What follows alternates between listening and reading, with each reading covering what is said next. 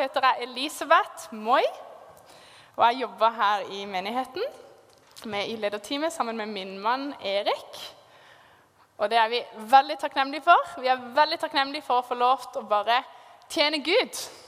Få lov til å vite at wow, Gud, vi kan være dine tjenere, vi kan tjene deg. Og et privilegium å få lov til å til og med være ansatt i en menighet. Det er en skikkelig, skikkelig gave. Og veldig privilegert å få lov til å dele ordet i dag.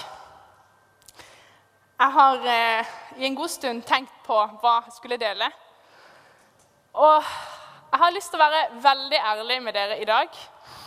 I forrige uke ble jeg veldig inspirert av Kristoffer, som delte ordet. Jeg kan ikke se han akkurat nå. vet ikke om ble. Han satt her. Ja. Ja, Kristoffer han begynte med å si liksom, å, jeg skal være veldig ærlig. Og jeg tenker å, så deilig at vi bare kan få lov til å vise hvem vi er. ikke sant? At vi kan få lov til å ikke virke sånn overmenneskelige, men vi er helt normale mennesker med en veldig stor Gud. Um, og jeg må si ærlig at I forberedelse av denne talen syns jeg det var kjempevanskelig å forberede tale. Og Jeg husker jeg sa til Erik bare, jeg klarer ikke dette her. Jeg er ikke i stand til dette. Men så bare tenker jeg takk, Gud, at jeg ikke trenger å være i stand. Takk, Gud, at jeg ikke trenger å være et supermenneske. Takk at jeg kan få lov til å bare være, føle meg skrøpelig, men vite at du, Gud, du er stor. Din nåde er nok for meg. Din nåde er nok for meg. På grunn av din nåde så kan vi stå her oppe. På grunn av Guds nåde kan vi få lov til å være det vi er. På grunn av Guds nåde kan vi få lov til å oppnå ting for Gud. Det er ikke fordi vi er spesielle, det er ikke fordi vi er store mennesker, eller fordi vi har fått noen veldig spesielle, unike gaver som ikke alle andre har. Nei, men det er fordi vi har en stor Gud, og fordi vi har valgt å sette vårt lit til Han. Vi har valgt å stole på Han, og vi har valgt å gå inn i det. Og ta et steg og gå inn i det som Han kaller oss til. Amen. Så i Guds nåde kan vi få lov til å skynde Guds ord med kraft. Ikke fordi vi har kraft, men fordi Gud, Hans ånd, er over oss. Og vi kan få lov til å tale Hans ord med frimodighet. Amen. Amen. I desember så eh, begynte jeg og min mann med trening. Ja, det, mål, det, har vært et mål i flere år for meg å trene. Men eh, ja Det er så mange ikke sant, som tenker åh, vi har mål, åh, vi skal begynne å trene. Men det går liksom ikke så mye lenger enn ordene. ikke sant? Men i desember så bestemte vi oss. Nei, nå er det på tide. Vi må komme oss ut. Vi må begynne å trene. Så begynte vi å trene, da. Og jeg må jo si at til å begynne med, det er noen av dere, ja, dere vet hvordan det er når man ikke har trent på mange år, og så skal man begynne å trene og begynne å jogge. og liksom... Åh, det er ganske tungt i starten, ikke sant? Åh, man bare kjenner Nei, jeg vil ikke, jeg vil ikke løpe mer. Jeg bare stopper. bare kjenner, Kan til og med kjenne en blod, blodsmak i halsen. og bare, åh, Uff a meg, for en dårlig kondis jeg har. liksom. Men så fortsetter man, og så fortsetter man, og så blir man bedre. Og så kjenner man at man kommer i form. Og så er det etter hvert deilig fordi man tenker å yes, jeg har så mye energi, jeg vil bare ut og løpe. Jeg vet ikke om dere har kjent på det, men jeg har i hvert fall opplevd det i det siste. Jeg har, eh, man, jeg har sånn fancy trenerklær. ikke sant? Det er kult, det henger jo med det å ha litt sånn kule treningsklær. Og det, De fleste av de treningsklærne det er Nike. Nike, det er liksom, Jeg liker det merket. Og Nike de har et slagord. Hva er slagordet til Nike? Just do it. Og hvorfor kaller de det? Nei, om du har mye jobb, om du egentlig ikke orker å trene, om du egentlig bare ligger hjemme på sofaen Just do it. Kom deg ut. Om du egentlig ikke trenger, tenker nei, jeg, jeg er ikke den typen, jeg kan ikke trene. Just do it. Kom an. Gå ut. Kom deg ut. Tren. Gjør det. Og jeg bare tenkte oi, dette kan vi jo veldig enkelt overføre til åndelig betydning. Vi har fått et oppdrag. Vi har fått et kall. Og hva er det Gud kaller oss til å gjøre? Til å, til å hva for noe? Just it! Handle. Vi må handle. Vi må gå. Vi må gjøre noe. Man kan ikke tenke at å, jeg skal bli i form, jeg skal bli i god form, jeg får bare ligge på sofaen litt mer. og Så, bare, så skal jeg bare bli i god form helt automatisk for ikke gjøre noen ting. Så bare ligge her og få skikkelig god kondis. Nei. For å få god kondis så må du ut. Du må gjøre noe. Du må ta noen tiltak. Du må sette noen mål. Du må faktisk gjøre noe. Jeg har kalt talen i dag 'Just do it'. Og så har jeg satt en undertittel 'Lev det ut'. Lev det ut. Just do it. Vi må bestemme oss for å leve ut det kallet Gud har gitt oss. Vi må bestemme oss for å leve overgitte liv. Det er ikke noe som skjer automatisk. Det er ikke automatisk at vi opplever kjempestore mirakler og får lov til å vandre i det overnaturlige. Det er ikke noe som bare skjer av seg selv. Vi må faktisk tre inn i det. Vi må bestemme oss for å handle på Guds ord. Jeg tenkte på det jeg skulle dele i dag, og jeg hørte en tale for en liten stund siden om dette her. da. Det må handle på ordet. Og jeg må si at jeg ble veldig utfordra. Det var egentlig en veldig lett eller veldig enkel tale. Det var et skikkelig enkelt budskap. Og Det handla om det at en disippel lever som en disippel. Jeg vet at det høres ut som en veldig stor åpenbaring her. Disipler lever som disipler. Og jeg husker han, han, talte om dette her med hva er en disippel. Og han sa at OK Hvis vi kaller oss disipler, hvis vi er Jesu etterfølgere, ja vel, da lever vi det ut hver dag. Da må vi, Hvis vi er disipler, faktisk gjøre det Jesus gjorde. Vi må faktisk gå rundt og gjøre det som Jesus gjorde. Og så husker Jeg jeg hørte talen som svei inn i mitt eget liv, så tenkte jeg åh, Gud, lever jeg et liv som det? Ser jeg ut som Jesus? Ligner jeg på deg? Gjør jeg det du gjorde, Jesus?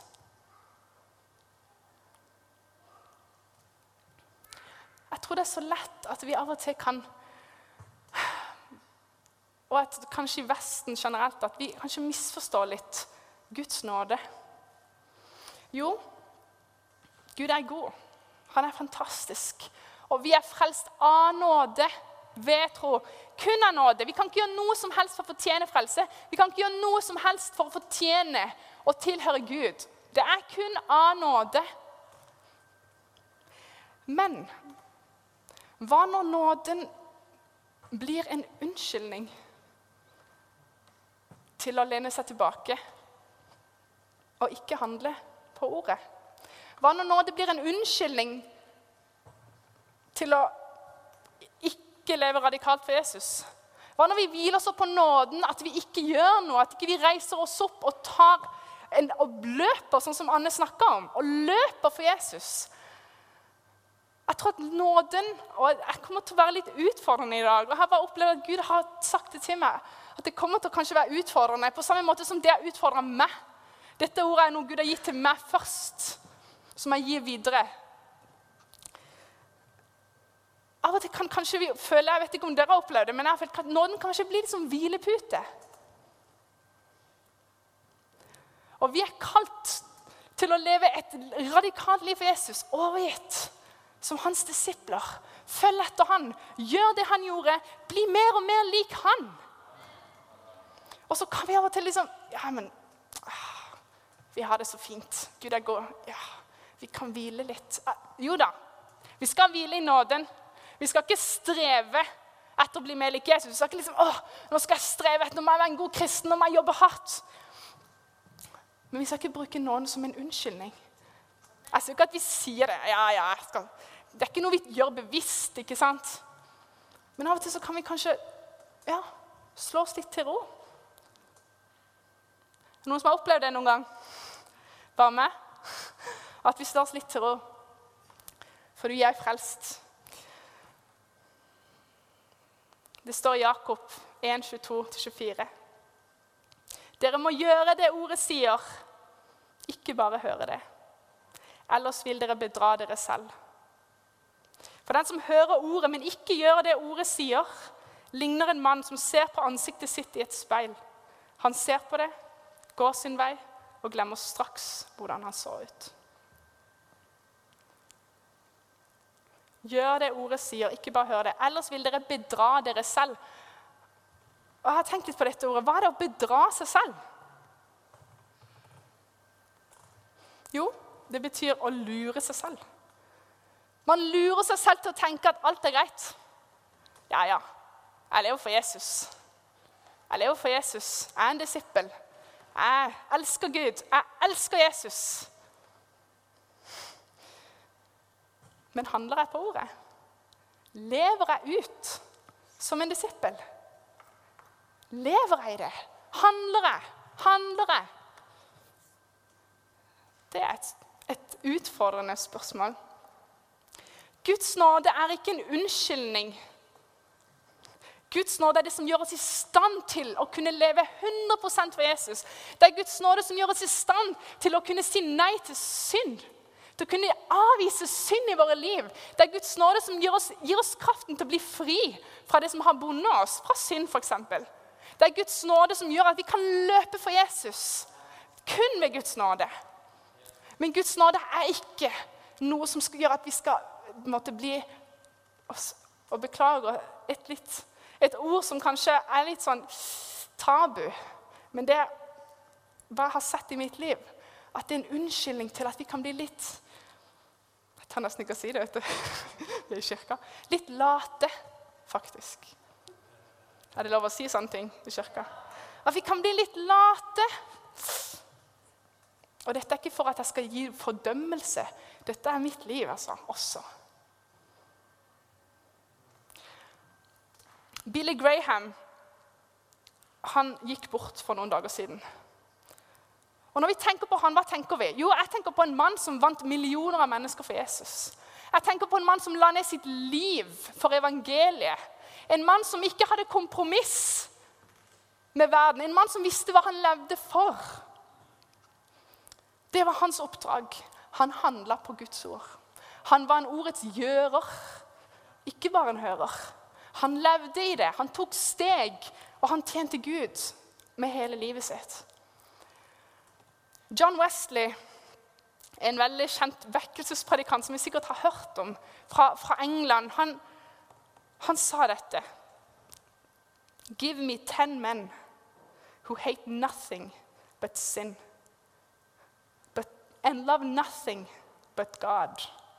And we will change the world. Give me ten men who hate nothing but sin and love nothing but God, and we will change the world.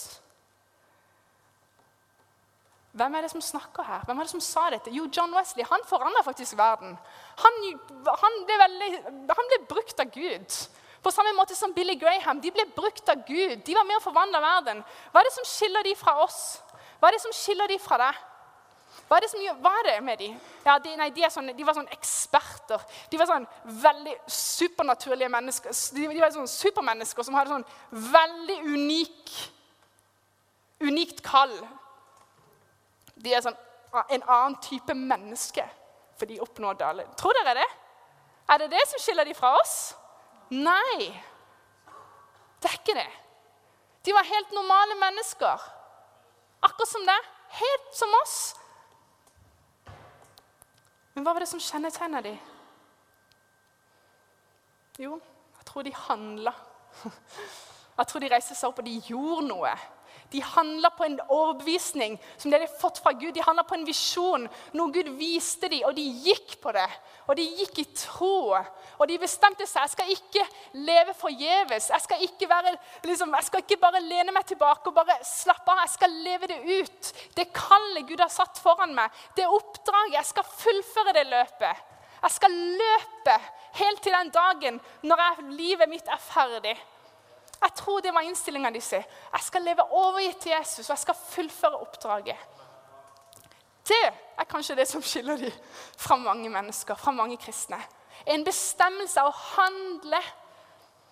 Og ikke forvente at ting skal bare skje.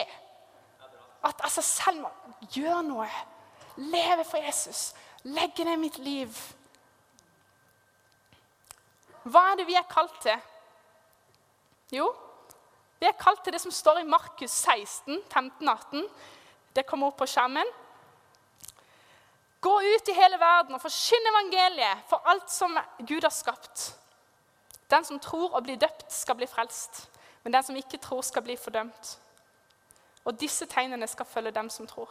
I mitt navn skal de drive ut onde ånder. De skal tale nye tungemål. De skal, ta slanger, de skal ta slanger i hendene.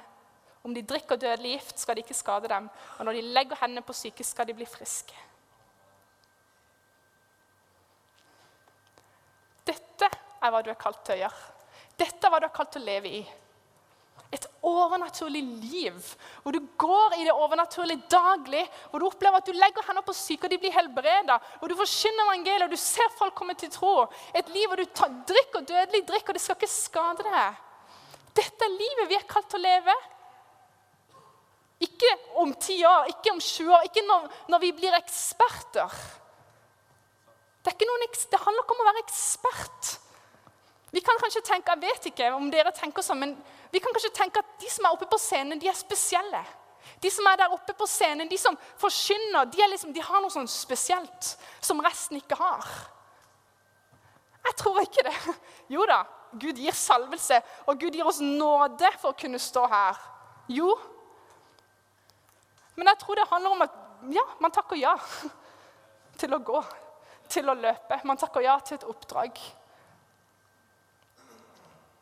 Vi kan alle leve som disipler. Vi kan alle gå i det overnaturlige. Vi kan alle se folk bli friske. Vi kan alle forkynne evangeliet. Vi kan alle gå og oppleve dette livet med Gud. Alle sammen. Vi er en kropp. Det er ikke at noen er større enn andre. Vi er alle en kropp som er helt avhengig, helt avhengig av Gud. Av hans kraft, av hans nåde. Vi kan gjøre ingenting i oss selv. Ingenting. Med hans nåde, det er nok for alle. At vi alle kan leve dette livet. At vi alle kan forkynne Guds ord med kraft. Ikke nødvendigvis, Det er ikke at alle skal stå her nødvendigvis. Men du kan gjøre det der ute. Du kan gjøre det med, til dine venner, du kan gjøre det til din familie. Du kan gjøre det på gata. Du kan gjøre det og være et vitne. Forkynne Gud, Guds nåde. Forkynne om Jesus.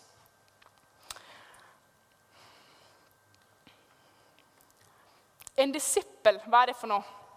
Jo, det kommer fra gresk. Matetes. Og det er en elev eller en lærling.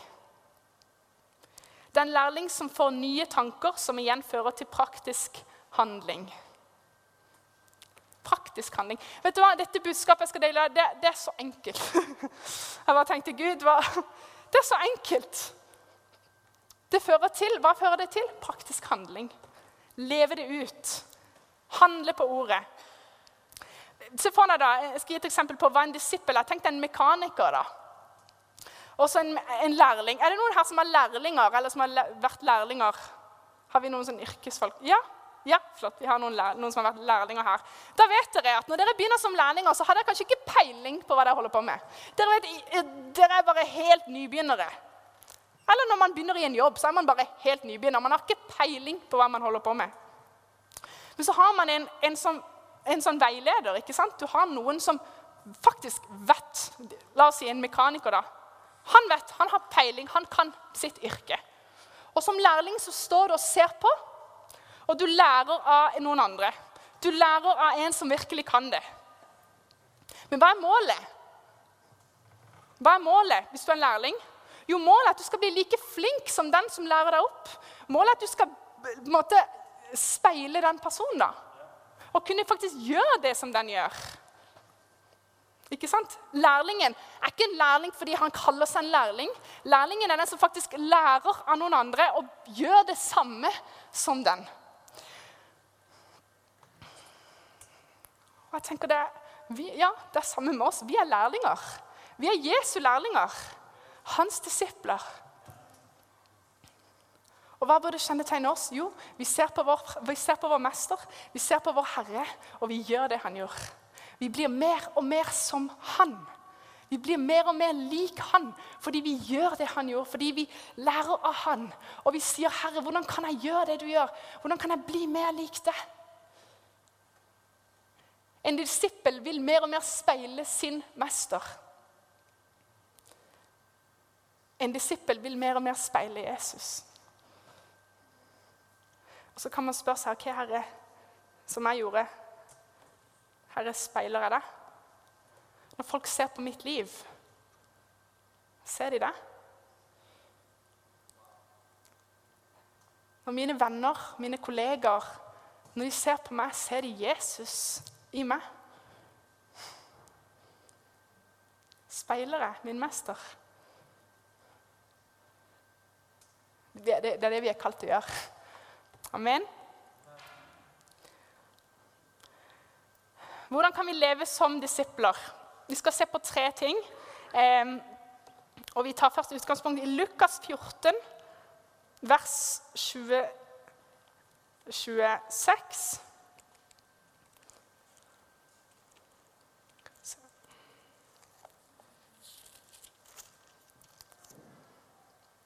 Vi kan lese 25 og 26. Store folkeskarer fulgte med Jesus, og han vendte seg til dem og sa.: Om noen kommer til meg og ikke setter dette høyere enn far og mor, kone og barn, brødre og søstre, ja, høyere enn sitt eget liv, kan han ikke være min disippel. Hva er det som står her? Hvis ikke vi setter Jesus høyere enn alt annet i våre liv, til og med høyere enn våre egne liv, høyere enn vi setter oss selv, så kan vi ikke være hans disippel. En disippel setter Gud først. Han er på førsteplass. Han sitter på tronen. Han regjerer i ditt liv. Det er han som styrer. En disippel gir avkall på sitt eget, gir avkall på sine ting. Og sier, 'Gud, du er først. Du bestemmer. Du er på tronen. Du er viktigere enn alt.'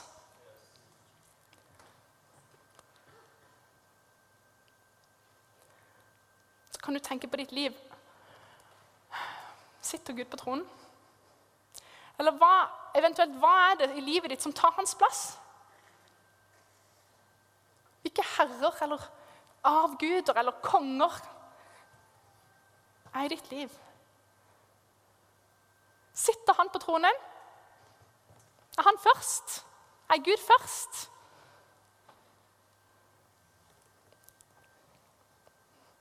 For å kunne være en disippel så må vi sette Gud først.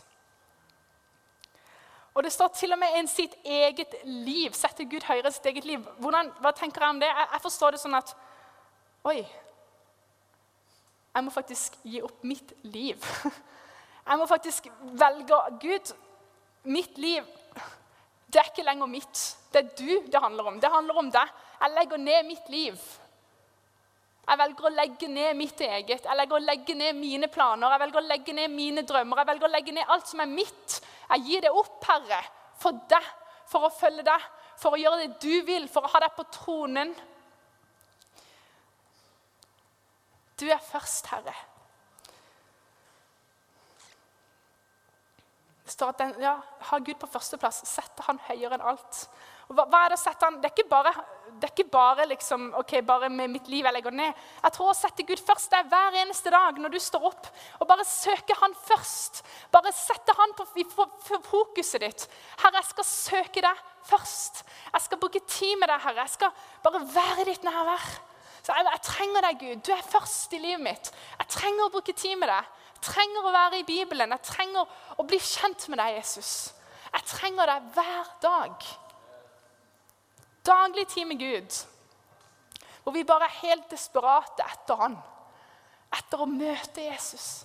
Etter å bare bli fylt av Hans nærvær, fylt av Hans ånd. Det er å ha Han på førsteplass. Søke Han først. Legge ned ditt liv, legge ned det som tar hans plass. Sett på det vekk. Gi avkall på det. Og det er veldig viktig for meg jeg har bare innsett i mitt liv hvor avhengig jeg av Guds nærvær hver dag. Å ha tid med Gud hver dag, det er livsviktig. Jeg tror at eh, hvis, du er, hvis, du lever nært meg, og, og, jeg ikke har vært med Gud og ikke brukt tid med Gud i det siste, da, da, da tror jeg ikke du har så lyst til å være nær meg. kan vi si sånn. Jeg kan være litt sånn, Når jeg ikke er med Gud, da kan jeg bli litt, ja, litt irritabel og ikke helt den beste personen å henge rundt. da. Ikke sant, Erik? Jeg trenger Guds nærvær. Jeg trenger å være med Gud. Jeg trenger å bare søke Han. Det er der jeg henter min kraft hver dag. Det er der jeg henter styrke, det er der jeg henter min glede. Det er der jeg får energi til å leve for Jesus. I Guds nærvær. Søker du Gud hver dag? Bruker du tid med Han hver dag? Vi trenger Han. Nummer to så nummer én ha Gud på førsteplass. Nummer to følg Jesus. Vers 27, eh, ja, 14-27 Lukas. Det står Den som ikke bærer sitt kors og følger etter meg, kan ikke være min disippel. Hva er det å følge etter Jesus? Jo, det henger litt sammen med å sette Gud på førsteplass. Det handler om å gå etter Jesus.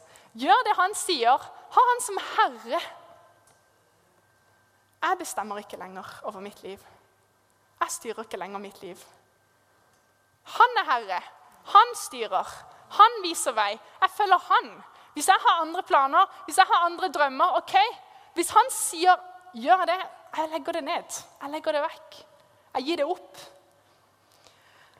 Jeg husker når jeg var 18, så jeg, hadde vokst opp, jeg har vokst opp i et kristent hjem. Jeg har aldri alltid trodd på Jesus.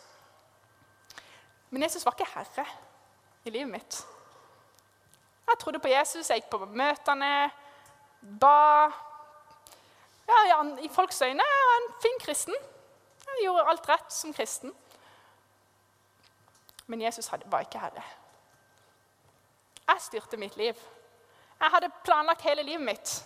Alt hva jeg skulle gjøre. Ti år fram i tid. Jeg visste akkurat hva jeg skulle gjøre. Men når jeg var 18, så skjønte jeg at jeg kan ikke, jeg kan ikke leve sånn. Jeg kan ikke leve for meg selv. Jeg er ikke skapt for å leve sånn. Jeg er skapt for å tilfredsstille Han, tilfredsstille Gud. Jeg er skapt for å leve for Hans ære, til Hans ære.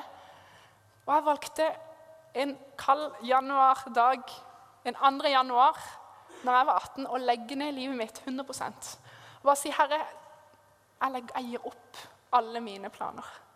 Jeg gir opp alt som jeg har planlagt. Herre, ta styring. Du skal være herre. Du skal lede mitt liv nå framover. Resten av livet. Du er herre. Og jeg kan si det sånn at Alle planene endrer seg drastisk. Jeg er så takknemlig at jeg kan få lov til å bare leve i, i spenning liksom, og eventyr med Gud. Vet ikke hva som skjer. Plutselig er vi her i Jesus Church og få lov til å tjene Gud. Men det var ikke planlagt. Ikke sant? Eller fått gjort så mange ting som bare Det var ikke planlagt. Jesus Revolution. Det var ikke planlagt. Jeg var i Jesus Revolution for noen år siden. Så mange ting, overraskelser som Gud kommer med hele veien. Fordi jeg har valgt å ha Han som Herre. Det var ikke planlagt. Det var ikke mine planer, det var ikke mine tanker. Men Gud han hadde større tanker, han hadde bedre tanker for mitt liv. Og det er sånn Når vi har Han som Herre og legger ned vårt liv for å følge Jesus og bare ta imot det han vil gjøre, så kommer du til å oppleve mye større ting. Vi er mennesker, vi er begrensa. Våre drømmer, det verden ser på som suksess, ikke sant? karriere, penger og alt det verden opphøyer. Men Gud han er så mye større, og hans planer er liksom mye mer spennende å følge hans vilje. Der er det overraskelser, der er det eventyr, der er det overnaturlige ting. Der, der skal du virkelig få oppleve hva det er å leve for Gud. Jesus som Herre. Hva betyr det også å følge Jesus? Det betyr også å gjøre det han gjorde. Gå i hans fotspor. Hvor er det han leder oss? Jo, jeg har allerede snakket om det. Ut på gata. Be for syke. Del evangeliet. Vitne for dine venner, vitne for din familie. Vær tilgjengelig for han, til at han kan bruke det. Gå, følge, gjør det. Just do it. Lev det ut. Handle på ordet. Vi må handle på ordet.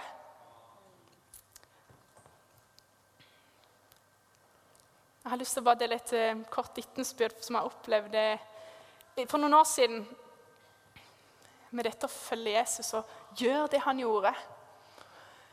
Vi var i Afrika da, Jeg var, eh, var besøkt et, et arbeid i eh, Tanzania med Ungdom i oppdrag. Eh, og så dro vi på et sånt hjembesøk. Vi skulle treffe en familie. Og så kommer vi fram til huset. Så var det en mor og en datter. Og den jenta på elleve år hun lå på bakken utenfor når vi kom til huset. Og hun lå der helt sånn Det så ikke ut som det var noe liv i henne, faktisk. Hun var helt sånn. Og vi bare kommer og vi bare, Hva er galt? Hva har skjedd? Så sa mora nei, hun, hun holder på å dø. Jeg har ikke råd til medisiner. Jeg kan ikke hjelpe henne. Jeg vet ikke hva jeg skal gjøre. Og vi kommer der, fordi ja, vi opplevde Guds ledelse til å gå til det hjemmet. Og vi setter oss inn i bilen, og de gir meg den jenta. Så jeg sitter der bak, jeg har aldri opplevd noe lignende, og får en døende jente i armene mine. Elleve år gammel. Og jeg skal bære henne. Hun sitter i, ja, jeg har henne helt til vi kommer fram til sykehuset. Og jeg sitter der og bare tenker Gud, dette var ikke planlagt. En døende jente i mine armer. Gud, hva er det som skjer? Vi kommer til sykehuset. Vi, vi kommer inn og får lagt henne inn. Vi får betalt for noen medisiner. Vi får bedt for henne og bare salva og bare befalt all sykdom å forsvinne. Og så drar vi hjem. Så lar vi henne være der med familien. For det, den jenta Det var ikke mye liv i henne, kan jeg love deg. Hun lå helt sånn, hadde ingen krefter i kroppen sin. Så kommer vi tilbake til sykehuset neste dag. Og vi går inn på rommet hvor den jenta er. Den jenta sitter oppe i senga og spiser mat. Og hun har det kjempefint. og hun bare sier 'tusen takk'. Bli glad, fått energi tilbake, fått krefter i kroppen. 'Tusen takk', sa hun bare. Det var sånn daglige opplevelser for eh, gjengen, ungdom i oppdrag-gjengen. Det var sånne ting de bare gikk i hver dag. Sånne overnaturlige ting. Og du bare ser at liksom, jo, det krever handling. Noen måtte betale for behandlinga. Noen måtte gi penger. Noen måtte kjøre henne til sykehuset. Men hun ble berørt, og hun ble helbreda. Og for meg så er det, det å gå i Jesu fotspor det handler om det. Det handler om å handle. Og så handler det om å være leder av Den hellige ånd. Bare gå på innskytelser du får. Gå når Den hellige ånd gir deg en overbevisning om noe du skal gjøre, så handler du på det. Du går med Den hellige ånd. Og han leder deg i ferdiglagte gjerninger. Han leder deg til folk som trenger Jesus. Han leder deg til folk som bare venter på at noen skal fortelle dem. Han leder deg til å gi penger. Han leder deg til å gi tid. Den hellige ånd leder oss. Og det å, følge Jesus er bare å gå i det. Gå i ferdiglagte gjerninger, men bestemme seg for det. Jeg skal gå. I dag skal jeg gå. I dag skal jeg være tilgjengelig for Den hellige ånd. I dag skal jeg handle på ordet. Og det er den siste. La deg lede Den hellige ånd. Romerne 8,14. Alle som drives av Guds ånd, er Guds barn. Noen, denne helga var jeg på en bønnekonferanse eh, på Grimerud, Hamar. Og og de forkynte og snakka om hvordan evangeliet kom til Norge. Jeg vet ikke om dere er klar over det, men Evangeliet kom til Norge bl.a. fra England. Eh, britiske, ja, det, var, det var briter som kom til vestkysten i båter. Misjonærer, vikinger som hadde blitt omvendt i Storbritannia. De hadde blitt frelst. Og så kom de tilbake til Norge med evangeliet eh, fra England. Og de kom i båter inn på vestkysten. Hva var det som, var som kjennetegna de? Jo, Den hellige ånd. Han drev de til Norge. Det var Den hellige ånd som førte de hit. Det var Den hellige ånd som viste de at de skulle til Norge med evangeliet. Og jeg synes Det er så kult bilde, fordi ånd et ord for å, liksom, Hva ånd er, det er vind. Så vi kan si det sånn at vinden blåste de til Norge. Og de gikk på det. De adlyda vinden. De lot seg drive av vinden hit. Og så har evangeliet kommet til Norge, og så har vi etter mange år fått bli kjent med Jesus. Pga. noen mennesker som lot seg drive av ånden. som lot vinden drive dem. De som er Guds barn, de er ledet av ånden. De lar seg drive. Skal vi la oss drive av ånden? Skal vi handle på overbevisning Den hellige ånd gir? Skal vi si 'Herre, jeg er tilgjengelig. Hvordan, bruk meg i dag.' Hvem kan jeg nå ut til i dag? Hvem er på ditt hjerte?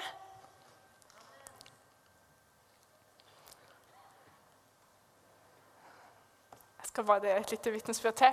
For noen uker siden så, eh, så, Eller kanskje litt over en måned siden så tenkte vi med Erik nei, vi, vi, har lyst til å begynne å gå ut på gata i Oslo og begynne å be for folk og dele evangeliet.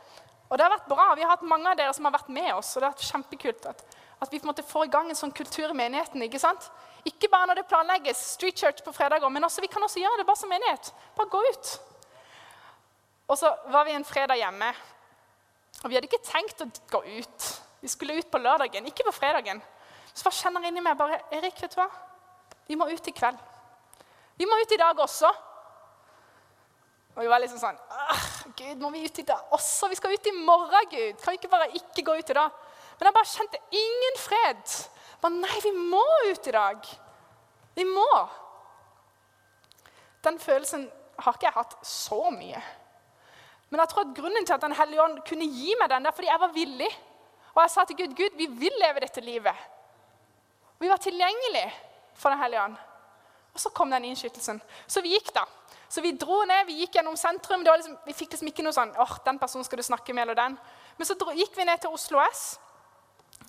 Og så gikk vi inn på Oslo S, og så tenkte jeg bare ok, Gud, vi har kommet så langt. Vi har gått så langt, Gud. Nå må du vise oss hvem vi skal snakke med. Så ikke gå hjem uten å ha prata med noen. liksom. Og så bare går vi, og plutselig så stopper Erik opp. Og så er jeg bare Å nei, liksom. Nå. Jeg var, ikke, jeg var litt nervøs da. Han bare, ja, Så snur han seg, så ser han noen gutter som står i et hjørne. Og de guttene de banna, og de ropte til hverandre. Og, og han bare Ja, de, de, skal vi snakke med. Så jeg bare Nei, jeg skal ikke snakke med de. Så han bare, ropte banna til han andre. Og jeg bare, nei, jeg tror ikke jeg skal snakke med de. Og jeg bare, jo, jo, jo, jo, de skal du snakke med. Så han bare, ja, men du kan snakke, sa jeg. Du kan begynne samtalen. Han bare, nei, det er du som har fått dette fra Guds ånd. Du får snakke. Så jeg bare Så ja, ok, så bare står jeg der, og så bare, ja vel så går jeg bort til guttene og begynner å snakke med dem. Og Så forteller Erik at han har blitt helbreda. Erik hadde, ble helbreda i kneet en gang. Så sier han gutten Oi, for to uker siden så var det noen som var her og ba for meg. Og jeg hadde jeg tror han sa at jeg hadde en brukket arm. eller et eller annet. Og så har han, armen min ble helbreda, sa han. Og kusina mi hun var også her, og hun sitt bein vokste ut da, sier han. Og jeg bare What? liksom. Han ba, ja, nei, jeg, jeg, jeg, har aldri trodd på Gud, men etter det så begynte jeg å tro på Gud. Sa han for to uker siden. Og så bare spurte han ja, kjenner du Jesus. liksom, tror du på, Har du hørt evangeliet? Han ba, nei, det har jeg ikke hørt. Kan du høre, liksom, nei, hva, hva er det for noe? Og så er han bare helt åpen, og vi kan bare forsyne, vi kan bare dele hele evangeliet med han. Og han liksom bare aha, aha. Bare liksom sluker det til seg, bare tar det imot. Og så måtte han dra. Vi fikk ikke bedt med han til frelse, vi fikk delt hele evangeliet med han. Og han bare ville møte oss igjen, og vi har fått kontaktinfoen sin. Innskytelser fra Det hellige ånd. Det var så lett. Det krevde så lite. Det krevde liksom bare handling. Lydighet. Gå på det, og så får vi oppleve sånne ting. Jeg skal avslutte. Jeg har lyst til at Vi skal bruke litt tid i forbønn hvis du trenger forbønn. og Jeg har lyst til å gi noen invitasjoner, men før det så må jeg dele eh, noe som en dame sa til meg en gang eh, for et par år siden. En eldre, dame på kanskje 85 år. Hun var skikkelig søt og skikkelig skjønn eldre dame. Og jeg snakka med henne, hun sa til meg, Elisabeth Når jeg var ung, så kalte Gud meg inn i Frelsesarmeen. Jeg visste at Gud hadde kalt meg. Men så gifta jeg meg med en mann som ikke ville inn i Frelsesarmeen. Og jeg valgte å gi opp mitt kall, sa hun. Jeg valgte å ikke gå på det Gud hadde kalt meg til. 85 år gammel. Elisabeth, ikke gjør det jeg gjorde. Ikke gi opp kallet. Ikke gå vekk fra det Gud har kalt deg til å gjøre. Vær så snill, lev ut kallet en dame på 85 som har levd hele sitt liv og angrer på at ikke hun adlyda. for at ikke hun gikk på det Gud hadde vist henne. Og det ordet det har blitt så viktig for meg. At wow, hun er en flott dame. Hun er en skikkelig flott dame. Men hun skulle gjort ting annerledes. Bestem deg for å handle. Bestem deg for å leve ut som en disippel. Bestem deg. Jeg skal ikke være fornøyd med å høre Guds ord på søndager og dra hjem og være fornøyd. Nei, jeg skal ikke være fornøyd. Jeg skal gjøre noe, jeg skal handle på det. Jeg skal spørre Gud Gud, hva er det du kaller meg til. og så skal jeg gå på det. Jeg skal leve det ut. Handling. Jeg skal være en ordets gjører. Amen.